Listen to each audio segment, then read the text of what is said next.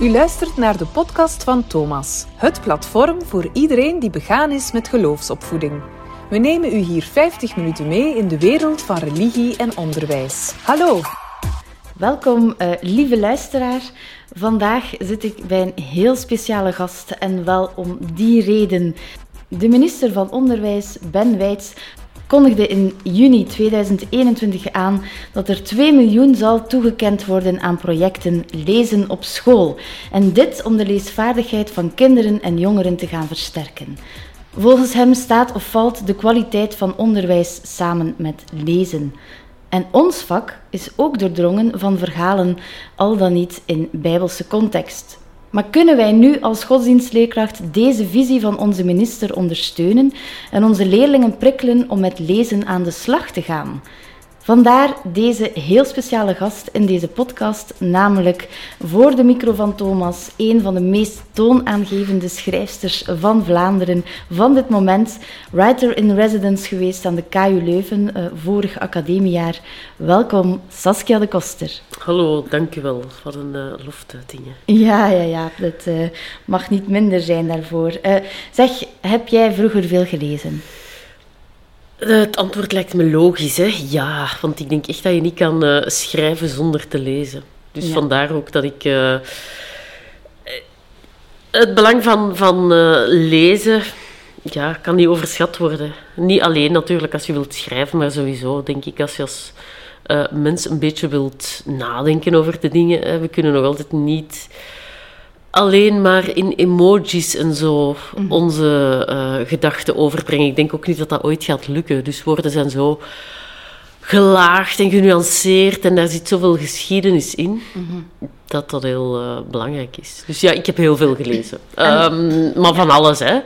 Ik herinner mij als klein kind... Um, ik woonde in een dorp en er was zo'n bibliotheek die één kamer groot was. Dus hè, dan was je daar na een tijdje wel rond, maar daar een, een, denk een vierde van de bibliotheek werd ingenomen door boeken met een geel-blauwe kaft en dat was de oorlijke tweeling. Ah ja, dat Dus ken ik dat ook. bijvoorbeeld, hè, Ja. voilà. Ja.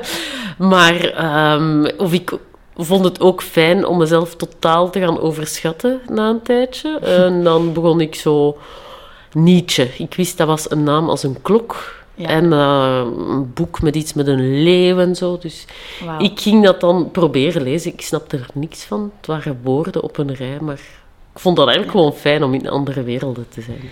En welk boek ligt er nu op uw nachttafeltje? Of uh, bent u momenteel niet aan het lezen? Op dit moment, jawel, ik ben eigenlijk altijd aan het lezen. De vraag is alleen van um, in hoeveel boeken tegelijk Ah, ben ik ja. aan het lezen.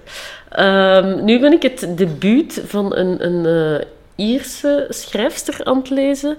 Wacht, het ligt daar. Ik zal het even... Ja? Het heet Exciting Times. Uh, de voornaam ga ik gegarandeerd verkeerd uitspreken. Um, uh, Neois Dolan. Die door uh, Zadie Smith en zo de hemel ingeprezen wordt. Mhm. Um, ja, en ondertussen nog in, in um, een paar uh, andere boeken. Dus ik doe dat zo wat simultaan. Ik lees ook vrij veel. Um, ja, dan zo, zo uh, essays en zo. Ja. Rebecca Solnit Ja. ben ik nu aan het lezen. Oké, jouw eh, boeken spelen zich voornamelijk af op Vlaamse grond. En dat maakt dat de religie af en toe komt binnengewandeld in jouw verhalen. Maar wat is jouw affiniteit met religie? Vraag ik mij dan af. En, eh, Oeh, oké.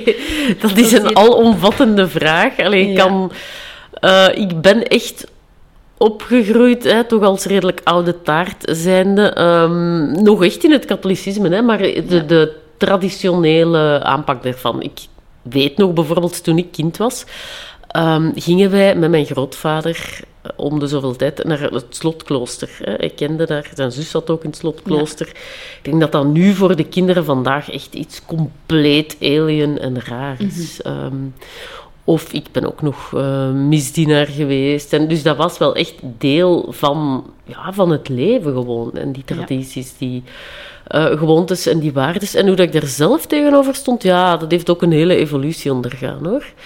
Um, omdat ik heel erg aangetrokken werd door de verhalen. De ja. Bijbel vind ik nog altijd een, een. Ja, dat is niet zomaar in een paar woorden te vatten. Hè. Dat is zo groot en ehm, vind ik geweldig. Dus die, al die uh, interpretaties daar rond boeiden mij ook heel erg. Langs de kant vond ik wel dat er een soort van... eh, Er, werd, er ging heel veel angst mee gepaard voor mij. Ja. Met dus dat, eh, en het orgel dat aangeslagen werd. En ik kreeg al zo de daver op het lijf. Ehm, ik vond dat langs de kant heel mooi. Heel, zo dat sublieme en grootse en zo. Vind ik ook in kunst heel aantrekkelijk. Maar ehm, bijvoorbeeld in zes leerjaar hadden wij dan een, ehm, klooster, een zuster die les gaf. En dat ging me dan soms wel te ver. Bijvoorbeeld bij verjaardagen was dat niet van hey, gelukkige verjaardag eh, Thomas of zo. Maar dan moesten wij gaan als kinderen gaan bidden rond een kaars om dankbaarheid te uiten voor het leven en aan die ouders en zo. En dan was dat wel zo van, oh my god. Hè. Ja. Dat is een andere god, bijvoorbeeld dan de god die ik nu ken en die voor mij heel belangrijk is. Ja, als Dus, kind eh, werd je daar eh, bij die zuster wel wat braaf gehouden. Dan, eh. Dat was wel heel erg zo van... Ik kan dat vanuit haar eigen beleving en zo misschien wel snappen, maar om dat aan kinderen mee te geven, is dat wel ja, nogal heel eh, radicaal of zo. Want ik herinner me dat die jongen toen ook is flauw gevallen. Ik denk zo puur van het... De extase. Ja, of zo. Van, wat moet ik nu doen? Het is maar een verjaardag, hoor. Ja, ja, ja. ja. Ehm. en dan in het middelbaar, eh, hoe heb je dat het- beleefd? Ja, dat, wel, dan vond ik het eigenlijk interessant dat het een beetje losgekoppeld werd van, van zo die plicht en dat zelfgenoegzame van hè, wij weten alles beter. Daar ging het echt meer over, ja, wat is dat eigenlijk, geloven? Wat is godsdienst? En, en, het, en ik vind de judeo-christelijke traditie vind ik zelf heel belangrijk. En heel boeiend en heel rijk. En ik vind dat we daar wel veel van moeten doorgeven, omdat dat uiteindelijk heel vormend is geweest voor, voor ja, eeuwen en eeuwen. Ehm, dus ik had een eh jezuïet. eh, die, die ja, gewoon echt ons een beetje porde om na te denken ook. En dat Ja. vond ik goed. Dus dat ging niet alleen over jij moet en jij zult en jij bent eh, klein en niet waardig. Nee, dat was echt de vraag van hoe... Ja, willen jullie daar zelf mee bezig zijn? Dus dat vond ik eigenlijk fantastisch. Ik merkte naarmate dat dat verder ging in het middelbaar, dat het, dat het mij meer uitdaagde ook. Dat, ja, omdat ons eigen aandeel als leerlingen dan groter werd. En ik was wel echt, ik denk dat dat redelijk uitzonderlijk was, ik was echt totaal geobsedeerd door eh, Oud-Griekenland en, en ook Latijn en zo. Hè. Ja. Dus ja, ik, ben dat, ik was dat nu niet echt doorsneen, want ik, ik ging dan zelf, weet ik veel, Nederlandse teksten in, in het Oud-Grieks gaan vertalen en zo. Dus Oké. ik ging daar vrij Zo ver iemand. in. Ja, zo iemand. Zo een ja, leerling. ja. Oké, tof. Maar wel altijd in de clinch met de leerkrachten. Ook wel zo'n leerling. Ook de godsdienstleerkracht? Durf jij eh, duidelijk uw mening gaan Eh, uiten? ja, ik deed dat eigenlijk echt tot vervelens toe bij alle leerkrachten, zo wat discussie gaan opzoeken. Maar ik weet dat er een, en dat was mijn leraar Grieks, hè, terwijl dat iedereen zoiets had van, ah, god, daar is Saskia, weer met haar allee, dwars liggen en eh, ja, zwijg. En hij zei van, nee, dat is goed, je moet dat blijven doen, niet verliezen. Dat is eigenlijk, dat gaat u... Ja, ah, wel ja, je gaat daar iets aan hebben. Ja. En dat is mij wel echt bijgebleven. Ja. Ja, dat zien we ook wel in het onderwijs. Sommigen, niet allemaal. Maar de dwarsliggers die, eh, die het bloed van onder onze nagels halen, die geraken meestal wel het Ja, ik kan me voorstellen dat dat voor leerkrachten soms echt zo is van moet nu echt alles in vraag gesteld worden. Ja. Maar ik had toen het gevoel van jawel, eh, zo die grote waarom-vragen. Hè? We Ja. moeten hier niet alles gaan aanvaarden. Ja, Eh, dat is het leuke aan pubers eh, zijn en eh, met pubers eh, zenuwslopend. mogen werken. Ja, wel, ja. Goed, en heeft religie vandaag nog een eh, rol in uw leven? Jazeker, ja, ja, ja. Ja, en ik weet dat dat zo voor eigenlijk ongeveer al mijn vrienden en zo, is dat on- ongeveer iets exotisch geworden. Mhm. Zo geloof. Maar eh, ik zal het tonen, dus niet, niet zichtbaar in een podcast, maar ik heb hier zo op mijn eh, pols een, een witte Ja? inkt-tatoeage. Ja. En ja, voor mij is dat eigenlijk, dat is mijn, een, een soort van symbooltje. En een, mijn eigen geloof, want ik vind geloof ook wel iets heel... ehm, ja, intiems, heel persoonlijks, maar eh, heel belangrijk. Dus dat is eigenlijk mijn, mijn klein uh, leidsmannetje of zo. Ik vind dat heel belangrijk om uh, niet altijd in mijn eigen perspectief en mijn eigen hoofd en mijn eigen gedachten te zitten. Mhm. Dat is ook waarom ik eigenlijk schrijf. Hè? Om met het andere bezig te zijn. Maar dat is nog iets anders om van, vanuit een, een soort ander perspectief te, te, te kijken of te gaan denken van ik ben niet gewoon ik en Ja. ik ben niet het begin en het einde van alles. Voilà. Dat is voor Geen mij heel belangrijk. navelstaarderij. Dus, eh, Juist, ja, ja. ja. Goed. ehm, leerlingen vandaag in het onderwijs krijgen nog altijd die goede oude eh, Vlaamse kanon voorgeschoteld, die literaire kanon. Wat denk jij daarover? Eh, zijn er werken die daar eh, uit mogen? hè? Of is dat nog relevant vandaag? Oké, dat is nu niet echt voor godsdienstleerkrachten, maar leerkrachten Nederlands worden daar vooral mee Mhm. Geconfronteerd. Maar ik denk dat het wel interessant kan zijn, ook voor in de lessen godsdienst, om Mhm. daar ook toch een bepaalde visie over Ja. mee te krijgen. van- Ja, nee, nee, ik vind het een, een, goede vraag en inderdaad belangrijk. Hè. Eh, en ik denk dat die vraag erop neerkomt van wa- waar wil je eigenlijk de klemtoon leggen? Gaat het echt puur om, wij gaan hier die oude namen een beetje toch, denk ik, door de strot van leerlingen duwen? Of we willen dat leerlingen gaan lezen en daar een soort van zin in krijgen en misschien eh, stapjes zetten naar iets anders. Ehm, of we zouden kunnen zeggen van, probeer een mix van de twee. En ik vind dat er heel veel namen op staan die gewoon, denk ik, en dat gaat een beetje in tegen het traditionele beeld van hè, wie schrijft, die blijft en zo. Ik denk dat dat gewoon niet waar is. Mm, ja. Dat er veel werken zijn die in de loop van de geschiedenis, ja, die hun vervaldatum eh, overschreden hebben. En die dus eigenlijk niet meer leesbaar zijn in hun vorm zoals ze nu zijn. Eh, Bijvoorbeeld, en, en dat is echt met alle respect hè, voor Stijn Streuvels, die eigenlijk heel diep in de eh, psyche van mensen kon doordringen. Maar die heeft het nadeel dat dat zodanig barok is en zo lokaal qua woorden en zo. Ik bedoel, de, het leven en dood in den ast. Wat is een ast? Ik weet dat zelf eigenlijk amper. Dus laat staan, een 16-jarige vandaag weet wat dat is. Ehm, ja, dus ik vrees dat, dat zoiets aan, aan leerlingen meegeven, dat dat bijna niet kan. Zonder een soort van hertaling of zo. Want dat vind ik dus heel goed. Hè? En die initiatieven zijn er wel. Of, hè, neem nu, dat is al klassiek op zich. Tom Lanois, wat hij gedaan heeft met heel de Shakespeare ehm, koningsdrama's. Hè? Die heeft dat helemaal omgevormd naar, wat is het, Motherfucking Richard en zo. En vandaag, eh, nu, deze zomer, op Theater aan Zee, heeft een theatergroep van jonge mensen dan nog eens omgevormd naar hedendaagse dingen, met heel veel succes. Ja. Dus dan blijft het levend. Maar als we nu zeggen van nee, we moeten echt Shakespeare in de vertaling van 1958 brengen, ja, nee, tuurlijk, daar ligt zo'n dikke laag stof op, dat gaat niet lukken. Ja, een Max Havelaar. eh, zou je dan zeggen Mm. van, neem dan iets anders? Of, eh, Nee, ik denk echt dat er, ja, er kunnen heel veel. Ik vind die kanon eigenlijk een beetje kwatsch. Ja, Omdat dat een lijst is, dat is heel normatief, dat is heel eh, dwingend. Dus gooi het open en gooi daar ook internationale dingen in. Ik denk dat het een beetje...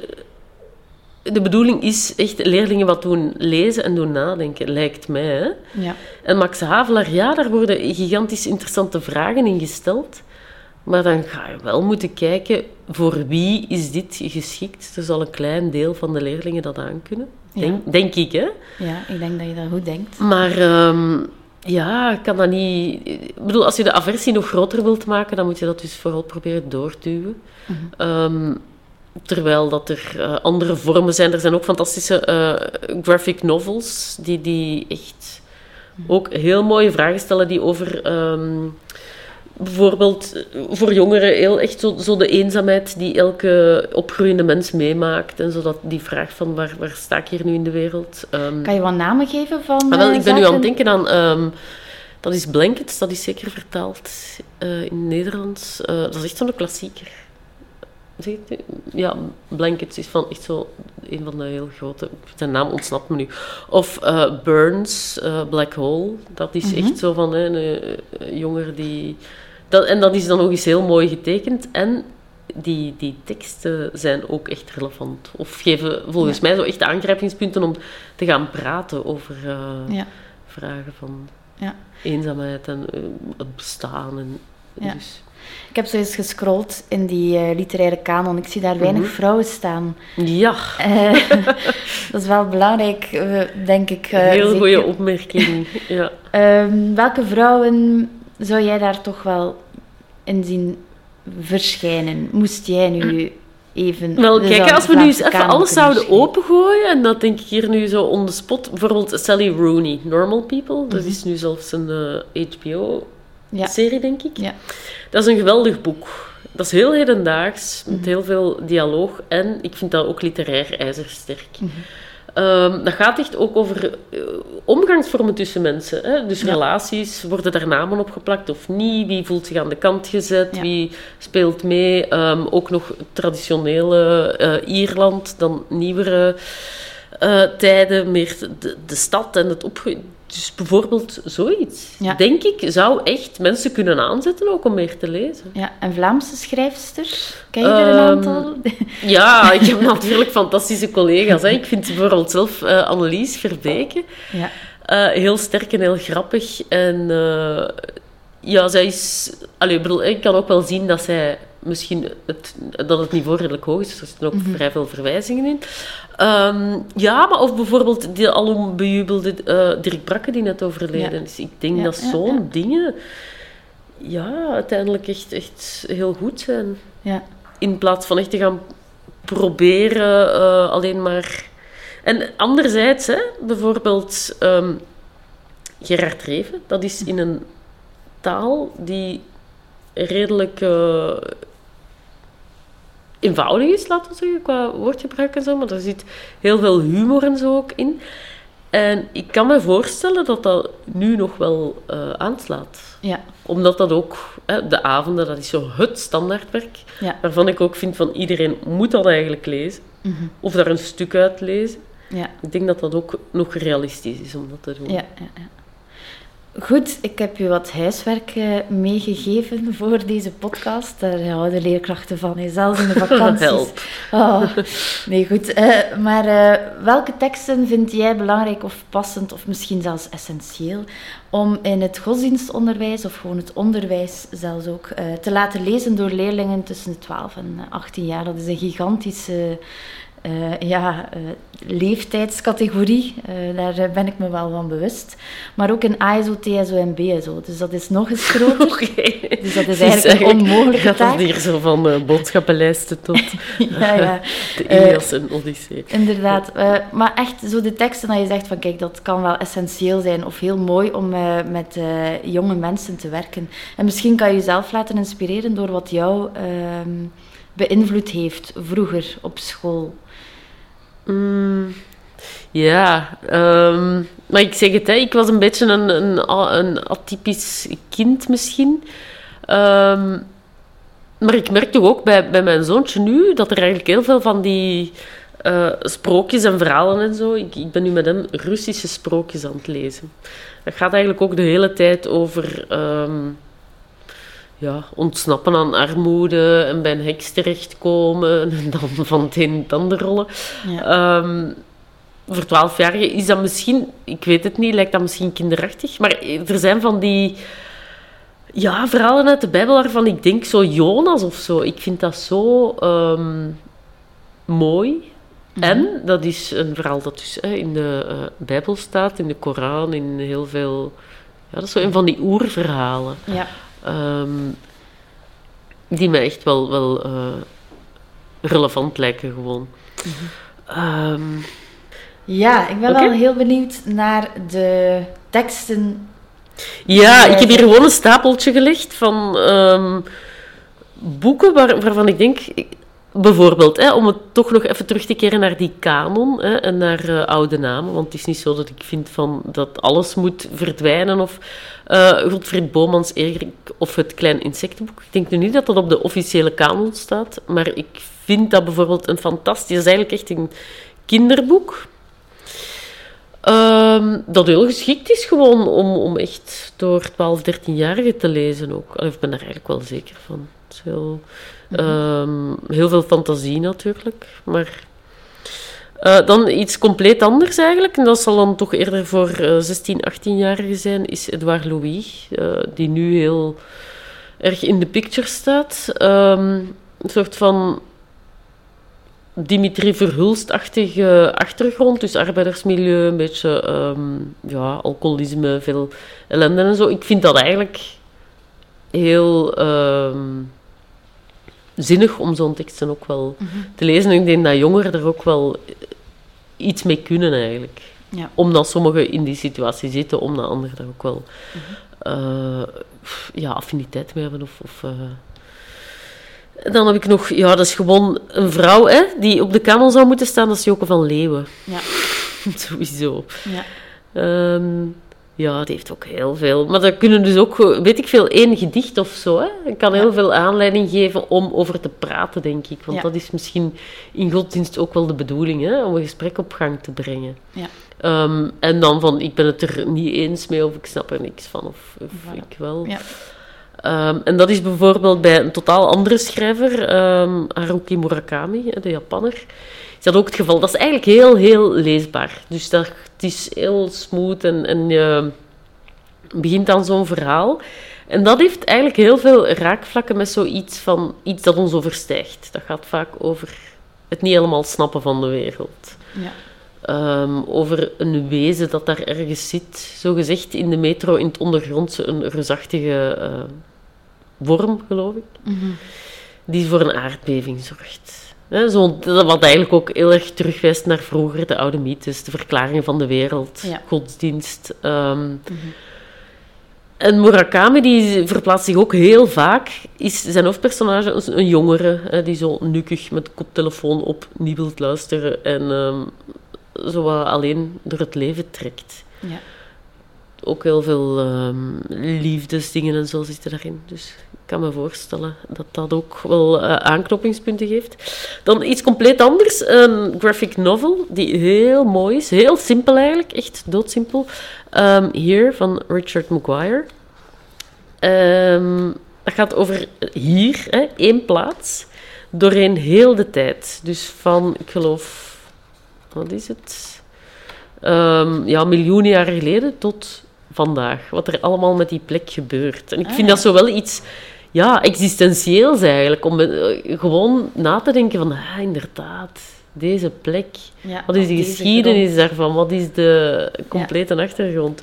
Dus je krijgt dan de grote verhalen over de mensheid, maar ook die kleine dingen van ah, ehm, een kader verhangen in een huis en, en dan is er een vlek. En, allee, zo dat allemaal. Maar gewoon puur in beeld. Hè. Er zijn, ja, je ziet het, amper woorden in. Ja. Dat is heel mooi.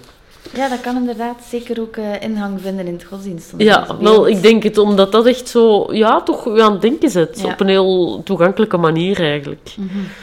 Ah, dan heb ik hier, ja, waar ik het daarnet over had, eh, Black Hole van Charles Burns. Dat is ook zo wel een klassieker van, van de graphic novel genre. Ehm, ja, laten we zeggen, jongeren en hun... eh, Welke leeftijd zou je daarop plakken? ik denk dat dit... Ja, ik vind dat dus moeilijk, hè, omdat ik zelf... Ja. ik zou denken 15, 16 jaar, Mhm. zoiets. Zo het ontdekken van seksualiteit, van... pff, Hoe moet ik hier in een groep me verhouden? Wat Ja. is... Allee, wat zijn mijn eigen gedachten eigenlijk? Ja, Of loop ik gewoon mee met de anderen? Ja, ja. Stel je voor, je komt in een klas. Ik nodig je uit in mijn klas. oei. En ik zeg, eh, je hebt eh 50 minuten om eh, leerlingen warm te maken eh, om te lezen of eh, om toch bezig te zijn met taal. Eh, het is een klas, eh, laten we zeggen vierde jaar. Hoe zou jij dat aanpakken? 50 minuten, dat is niet lang. Allee, het is te zien. Sommige Ja, 50 ja, minuten zijn heel lang. waar. Zou jij beginnen voorlezen? Ga je eerst uitleg geven over de auteur? Ehm, zeg je eerst zelf jouw affiniteit met lezen en taal? Ehm, Ik zou het wel proberen vanuit niet, niet per se over mezelf te gaan eh, tateren, maar wel. ehm, dat is misschien dan toch mijn geloof of illusie van echt met een heel goed verhaal kan je wel ze wel meekrijgen. Ik zou dan bijvoorbeeld wel proberen om, ik zeg nu maar iets, hè, een verhaal van Murakami of zo Ja. te lezen. En dan een beetje kijken wat zijn de reacties. Ja, ja. Eh, wat dat altijd een goede graadmeter is, zal jij als leerkracht veel beter dan mij weten, is van... ehm, komt er ergens respons? Is het eerst wat stil? Of eh, is het direct protest? Of ehm, zo dan? Publiek eh, aanvoelen. Ja. Ja. ehm, Kan, kan je eens een tekst eh, lezen waarvan je denkt van ja, deze zou ik, het is geen eh, absolute wetenschap, hè, eh, Mhm. literatuur eh, Nee. en didactiek. ehm, Ehm, ja, kijk, ik heb hier eh, de avonden van Gerard Reven. Mhm. Ehm, en dat is heel ouderwets langs de kant. Dus echt speelt zich af net na de Tweede Wereldoorlog. Eh, ook traditioneel, hè, moeder, vader, zoon, die zich eigenlijk te pletter verveelt. Ehm, ik ben hier even aan het kijken. Dan zo de typische dingen. Eh, ik, ik, ik zal hier even een kort stukje lezen. Maar het gaat eigenlijk uit. Het wordt verteld vanuit eh, het standpunt van Frits Echters, dus die jongere. En die ergert zich eigenlijk continu kapot aan zijn vader en zijn moeder. Ehm, Zijn vader stond in de hoek bij het raam en keek voor zich uit naar buiten.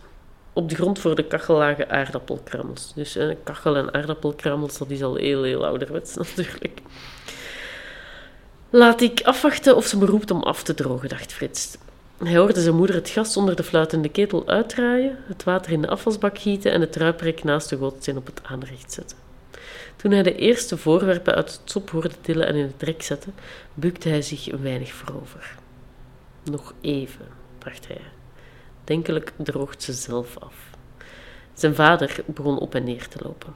Frits, help je even afdrogen, riep zijn moeder. Hij stond op, zoog adem tussen de opeengeklemde tanden door en liep bij het verlaten van de kamer tegen zijn vader op, die naast de boekenkast, vlak bij de deur stond. Wordt er gebeld? vroeg hij. Nee, riep Frits. In de keuken droogde hij snel borden, kopjes en schotels af. Het is niet veel vandaag, zei zijn moeder. Ehm, ja, dat is nu een heel klein... Wacht, hè, dan zit hij dan zo te ergeren aan zijn vader, die, die kaal wordt. En ehm, ja, zo die hele setting is heel erg eh, beklemmend eigenlijk. Hè. Zo, goh, moet ik hier nu binnen blijven zitten? En hij wil eigenlijk naar de film gaan. En ehm, hij begint dan ook wel na te denken over ja, het leven. En wil ik later ook zo worden? En, Ja. dus dat vind ik eigenlijk heel... eh, Ja. mooi is dat. Of ja, ik merk ook, eh, omdat binnenkort is er een avond over de avonden, maar even. Eh, en ik doe daar aan mee eh, de Dirk de Wachter, psychiater, en Sophie Lakmaker, dus dat is, allee, Toby Lakmaker nu. Eh, dat zijn drie generaties en dat boek Ja. leeft nog wel. ja. Goed. Eh, Dat was mijn pleidooi natuurlijk voor eh, toch wel een literaire auteur. ja, die voor, ja. volgens mij nog, nog te, te doen is voor veel mensen. Zou je bijvoorbeeld ehm, als godsdienstleerkracht, hè, ik, ik weet het niet, maar kunnen vragen dat, dat ze dat boek lezen of zou je eerder met fragmenten afkomen? Bijvoorbeeld één boek Mhm. of een aantal fragmenten. Wat denk je dat interessant Ik kan denk zijn? dat eigenlijk één boek wel het interessantste is. Ja. Omdat toch die, die oefening van proberen is in iets helemaal mee te gaan. En niet... Allee, TikTok en zo zijn al de hele tijd 15 seconden. Dit is dan... Het is geen heel dik boek, maar waarschijnlijk voor, voor de jongeren om dat helemaal te lezen. Dat is niet niks. Mhm. Maar ik denk dat zo de verdieping voor een deel ook zit in wel iets laten bezinken. En Ja. helemaal meegaan in de wereld. En nu bijvoorbeeld, hè, als ik één paragraaf lees, dan kan je denken van... pff, ja, whatever. Maar als je meer leest, hè, om in iets mee te gaan, dat is eigenlijk de uitdaging. Ja, En om het daar dan nog eens over te hebben, volgens mij blijft dat ook veel meer bij dan zo heel tijd snippers hier en daar. ja. Ja. ja, het vraagt van de leerlingen eh, toch Ja. wel wat Ja, concentratie. ja, zeker. Ja. Dat is wel zo. Ja. Dus ehm zou dat ook kunnen combineren. Daar zijn ook luisterboeken van, zeker. Ja. Eh, dat is ook al heel veel verfilmd. Van de avonden is ook een graphic novel gemaakt. Ehm, Dick Matena, dus dat is ook Mhm. niet de eerste beste. Ehm, ja, dus er wordt wel echt gepoogd om dat in, in leven te houden. Dus ik zou, ik zou dat ook kunnen combineren. Hè? Inderdaad, stukken laten luisteren, stukken zelf lezen. Ja. Maar Ah ja, goed, tof. Ik dacht eigenlijk dat u ging zeggen, eh, ja, verschillende, verschillende fragmenten van mij, hoe meer auteurs eh kennis Ah, maken, zo, hoe beter. Maar eh, ja, nee, inderdaad, die diepgang, dat is wel iets waar wij proberen naar streven en niet gemakkelijk is. Nee, dat lijkt me heel moeilijk. Maar ik vind zo gewoon, er is al de hele tijd langs alle kanten van eh, allerlei impressies en flitsen. En eigenlijk eh, is, het, is ook literatuur vaak iets anders. Hè? Ja. Is aan het proberen. En denk ik ook in, in godsdienst is het... eh, ik had dat vroeger ook in de mis, hè. Zo, ik zat daar dan een uur. Ik zat niet te denken heel de tijd aan wat daar gebeurde, maar je zit wel te denken en te... Ja, je gedachten mogen ook zo'n beetje Ja. een bepaalde richting uitgaan en dan weer niet. Sorry. Weer zo'n impuls die stoort. Ja. Telefoon. Goed. Ik ben wel geboeid geraakt door de verhalen die je dan voorleest voor je zoontje, die Russische sprookjes. Heb je Mhm. daar één verhaal? Want ik veronderstel dat dat niet zo lang is. En ik denk voor een eerste graad kan dat wel eh, heilzaam zijn. Eh, heb je een verhaal dat je daar hier kan voorlezen, dat je denkt van, tja, dat is wel... Dat zou ik heel graag hebben, mocht mijn zoontje godsdienst volgen, dat hij dat hoort in de klas. Ah, een goede vraag. Ja, ik zal eh, het boek eens even nemen. Er zijn, ja, ik denk nu aan een verhaal van ehm, sprekende honden. Ik zal, het, ik zal het even pakken. Ja. Lees ik het gewoon eh, helemaal voor? Ja, dat mag. Dus het verhaal heet... De, de, het boek is Russische Sprookjes van Tae King. De sprookjesverteller. En het sprookje is De Jager en zijn vrouw. Lang, lang geleden was er eens een goede fee die iets gedaan had, wat weet niemand meer, waar een boze heks woedend over was. Zo woedend dat ze de arme fee in een slang veranderde en haar in het vuur gooide. Maar gelukkig kon de fee ook een beetje toveren en ze toverde dat ze gewoon bleef leven in de vlammen. Er leefde in diezelfde tijd ook een man die elke dag uit jagen ging, met zijn twee honden, een bruine en een witte. Hij hield zielsveel van die honden, maar zijn vrouw niet. Die had een hekel aan ze. Best jammer, want ze hadden er soms ruzie over. Op een dag liep de jager door een bos en zag in de verte iets branden. Hij liep er snel heen. Het was een omgevallen boomstam die in brand stond, en in de vlammen kronkelde een slang. De slang zei: Als je mij uit de vlammen redt, zal ik je goed belonen. Zeg maar hoe ik je kan redden, antwoordde de jager, en ik doe het met plezier. Kom morgen terug met een emmer water, zei de slang. Als je het water op het vuur gooit, zal ik gered zijn. De volgende morgen gooide de jager een emmer water op het vuur. De vlammen doofden en even later lag de slang opgelucht naar adem te happen op het natte gras. Ik zal je zeggen wat mijn beloning voor jou is, zei de slang. Voortaan zul je dieren kunnen verstaan. Maar dat is een geheim tussen jou en mij. Je mag- het echt aan niemand vertellen, want dan val je meteen dood neer. Toen ze dat gezegd had, veranderde ze weer in een fee en vloog weg. Pff, nou, mooie beloning, mopperde de jager bij zichzelf. Dieren verstaan, wat heb ik daar nou aan? Toen het donker werd, had de jager nog steeds niets geschoten. Dat ging zijn vrouw niet leuk vinden. Hij besloot in het bos te blijven, maakte een vuurtje en ging ernaast liggen om te slapen. Opeens hoorde hij de witte hond tegen de bruine zeggen: Blijf jij hier bij de baas, dan ga ik terug naar huis, want je weet nooit of er dieven komen vannacht. Ja, dat is goed, antwoordde de bruine, en het duurde niet lang of hij en zijn baas vielen in een diepe slaap. De volgende morgen, heel vroeg, kwam de witte hond terug. En? vroeg de bruine hond. Hoe was het thuis? Beroerd, antwoordde de witte hond. Toen ik aankwam, schreeuwde de vrouw hoe ik durfde thuis te komen zonder mijn baas. Ze sloeg me met een tak, gaf me een schop en schold me uit voor alles wat lelijk was. Toen ik naar mijn etensbakje liep, griste ze het weg en schreeuwde dat ik geen eten had verdiend. Gelukkig dat ik buiten nog een konijntje kon vangen, want ik had best honger. En later, midden in de nacht, heb ik nog twee dieven weggejaagd. Ze probeerden een raam open te breken. Ik kromde tegen ze en ze renden weg, maar ik heb er nog wel een in zijn been kunnen bijten. Nou, nou, zei de andere hond, dat was met avondje wel. Hier was alles rustig. De man hoorde dit alles verbaasd aan. Zo, zo, die vrouw van mij, dacht hij, wat een kreng. Ik zal haar eens een lesje leren als ik thuis ben. Die dag ving de jager weer niks, maar hij besloot toch naar huis te gaan. Dag vrouw, zei hij. Dag man, zei de vrouw. Is de witte hond gisteren nog thuisgekomen? vroeg de man. Jazeker, zei de vrouw. En heb je hem eten gegeven? vroeg de man. Jazeker, zei de vrouw. Een stuk worst en een bak fris water. Oh, dat lieg je, riep de man boos. Je hebt hem geschopt en met een tak geslagen. En toen hij wilde eten, heb je zijn etensbakje voor zijn neus weggegrist. De vrouw was stom verbaasd. Hoe weet jij dat nou? Dat kan ik je niet zeggen, zei de man. Waarom niet? vroeg de vrouw. Ik ben je vrouw en ik mag alles van je weten. Meestal wel, zei de man, maar deze keer niet. Daar nam de vrouw geen genoegen mee. Ze werd boos en wilde niet meer met hem praten, niet meer voor hem koken en nog meer niet. Daar kon de man helemaal niet tegen, dus het duurde niet lang of hij zei: Goed dan, dan zal ik het je vertellen. Hij deed vast zijn nachthemd aan en ging op het bed zitten, want hij wist dat hij zo dadelijk dood zou neervallen. Op dat ogenblik kwam er een kip met veel kabaal de kamer ingerend, gevolgd door een boze haan. Ik zal je krijgen, riep de haan. Ik ben niet zo'n doetje als onze baas. Die kan niet eens één vrouw aan en ik moet de baas spelen over dertig kippen. Jullie doen gewoon wat ik wil. Kom hier, jij. Toen de jager dat hoorde, deed hij zijn nachthemd uit en trok zijn gewone kleren weer aan. Ik ben geen doetje, riep hij tegen zijn vrouw, en ik vertel je mijn geheim niet.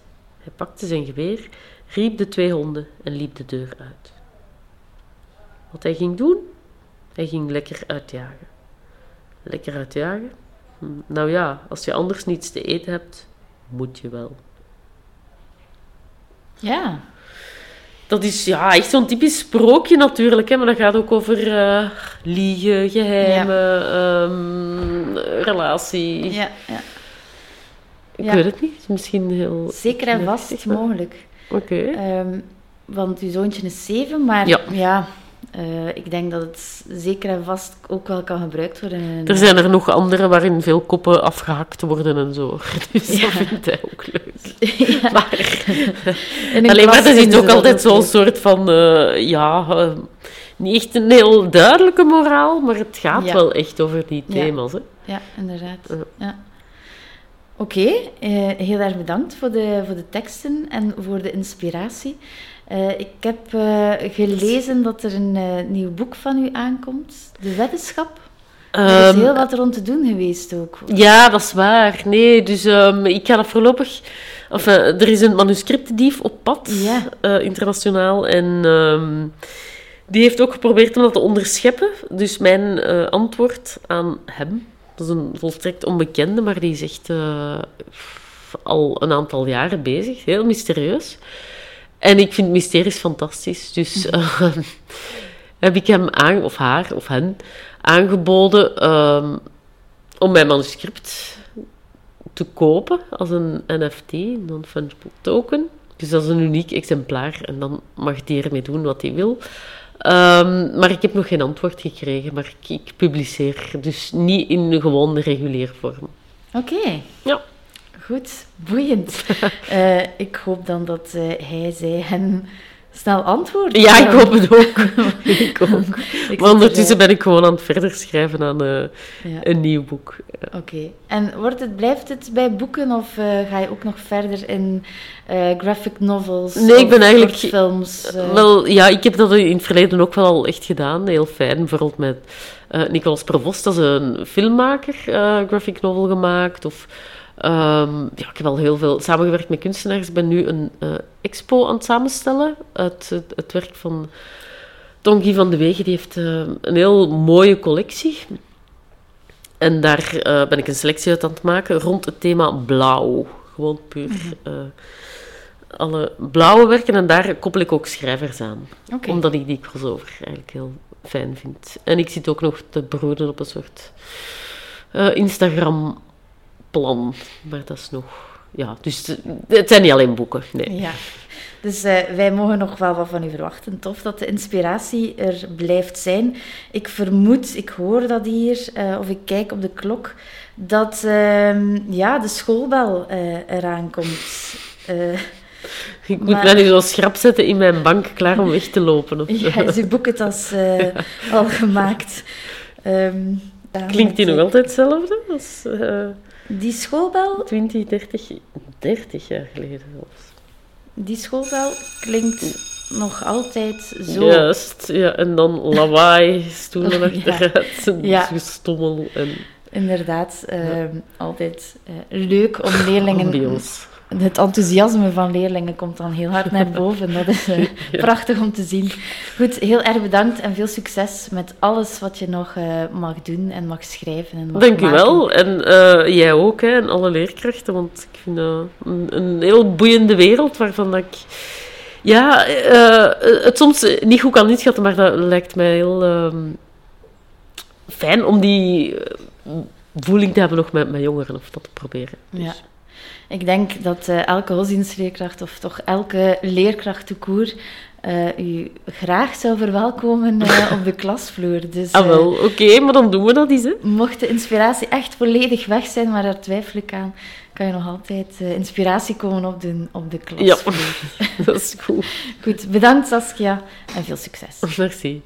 Bedankt om te luisteren. Heb je zelf een interessant project of wil je dat de podcast van Thomas bij jou langskomt? Laat het ons weten via thomas.kuleuven.be.